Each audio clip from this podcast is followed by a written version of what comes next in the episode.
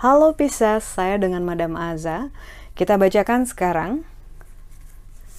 Kartu yang pertama adalah untuk karir. Kartu yang keluar adalah universe ataupun semesta.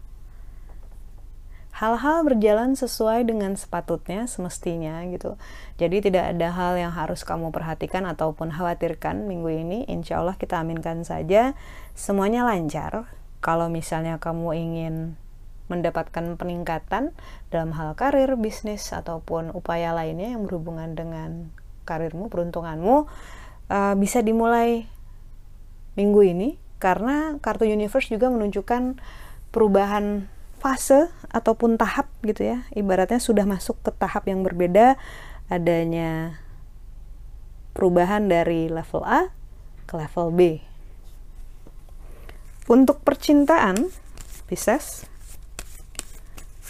kartu yang diberikan adalah judgment. Kamu sedang perlu waktu untuk fokus dengan dirimu sendiri karena ada beberapa masalah yang harus kamu selesaikan dengan dirimu sendiri, bukan dengan pasangan. Jadi kalau misalnya minggu ini ada konflik dengan sorry. Kalau ada konflik dengan pasangan, cobalah tanya. Ini sebenarnya masalahnya sama pasangan atau sama diri sendiri? Adakah hal-hal yang bisa kamu selesaikan dulu sendirian dibanding kayak meminta pasangan untuk lebih mengerti kamu ataupun lebih memberikan apa yang kamu inginkan.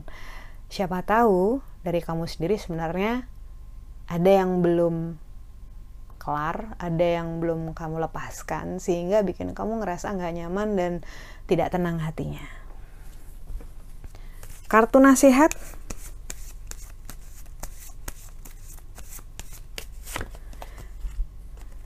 The Devil ini yang terbaca adalah energi negatif dari orang yang ada di sekitar kamu ya. Jadi ibaratnya yang punya masalah dia tapi yang pusing kamu. Uh, berusahalah untuk tahu kapasitas dirimu, kapan kamu bisa menyelamatkan orang yang sedang kesulitan dan kapan kamu harus menyelamatkan dirimu sendiri. Ini bukan berarti egois, tapi tahu bahwa oke, okay, saya cuman mampunya segini nih gitu daripada kamu menyusahkan dirimu dan akhirnya ujungnya menyusahkan orang lain juga, orang-orang yang peduli sama kamu, lebih baik kamu jujur aja dengan situasi kamu dan tidak denial.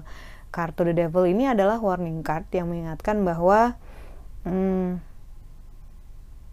insting kamu tentang sebuah masalah ataupun seseorang bisa jadi benar.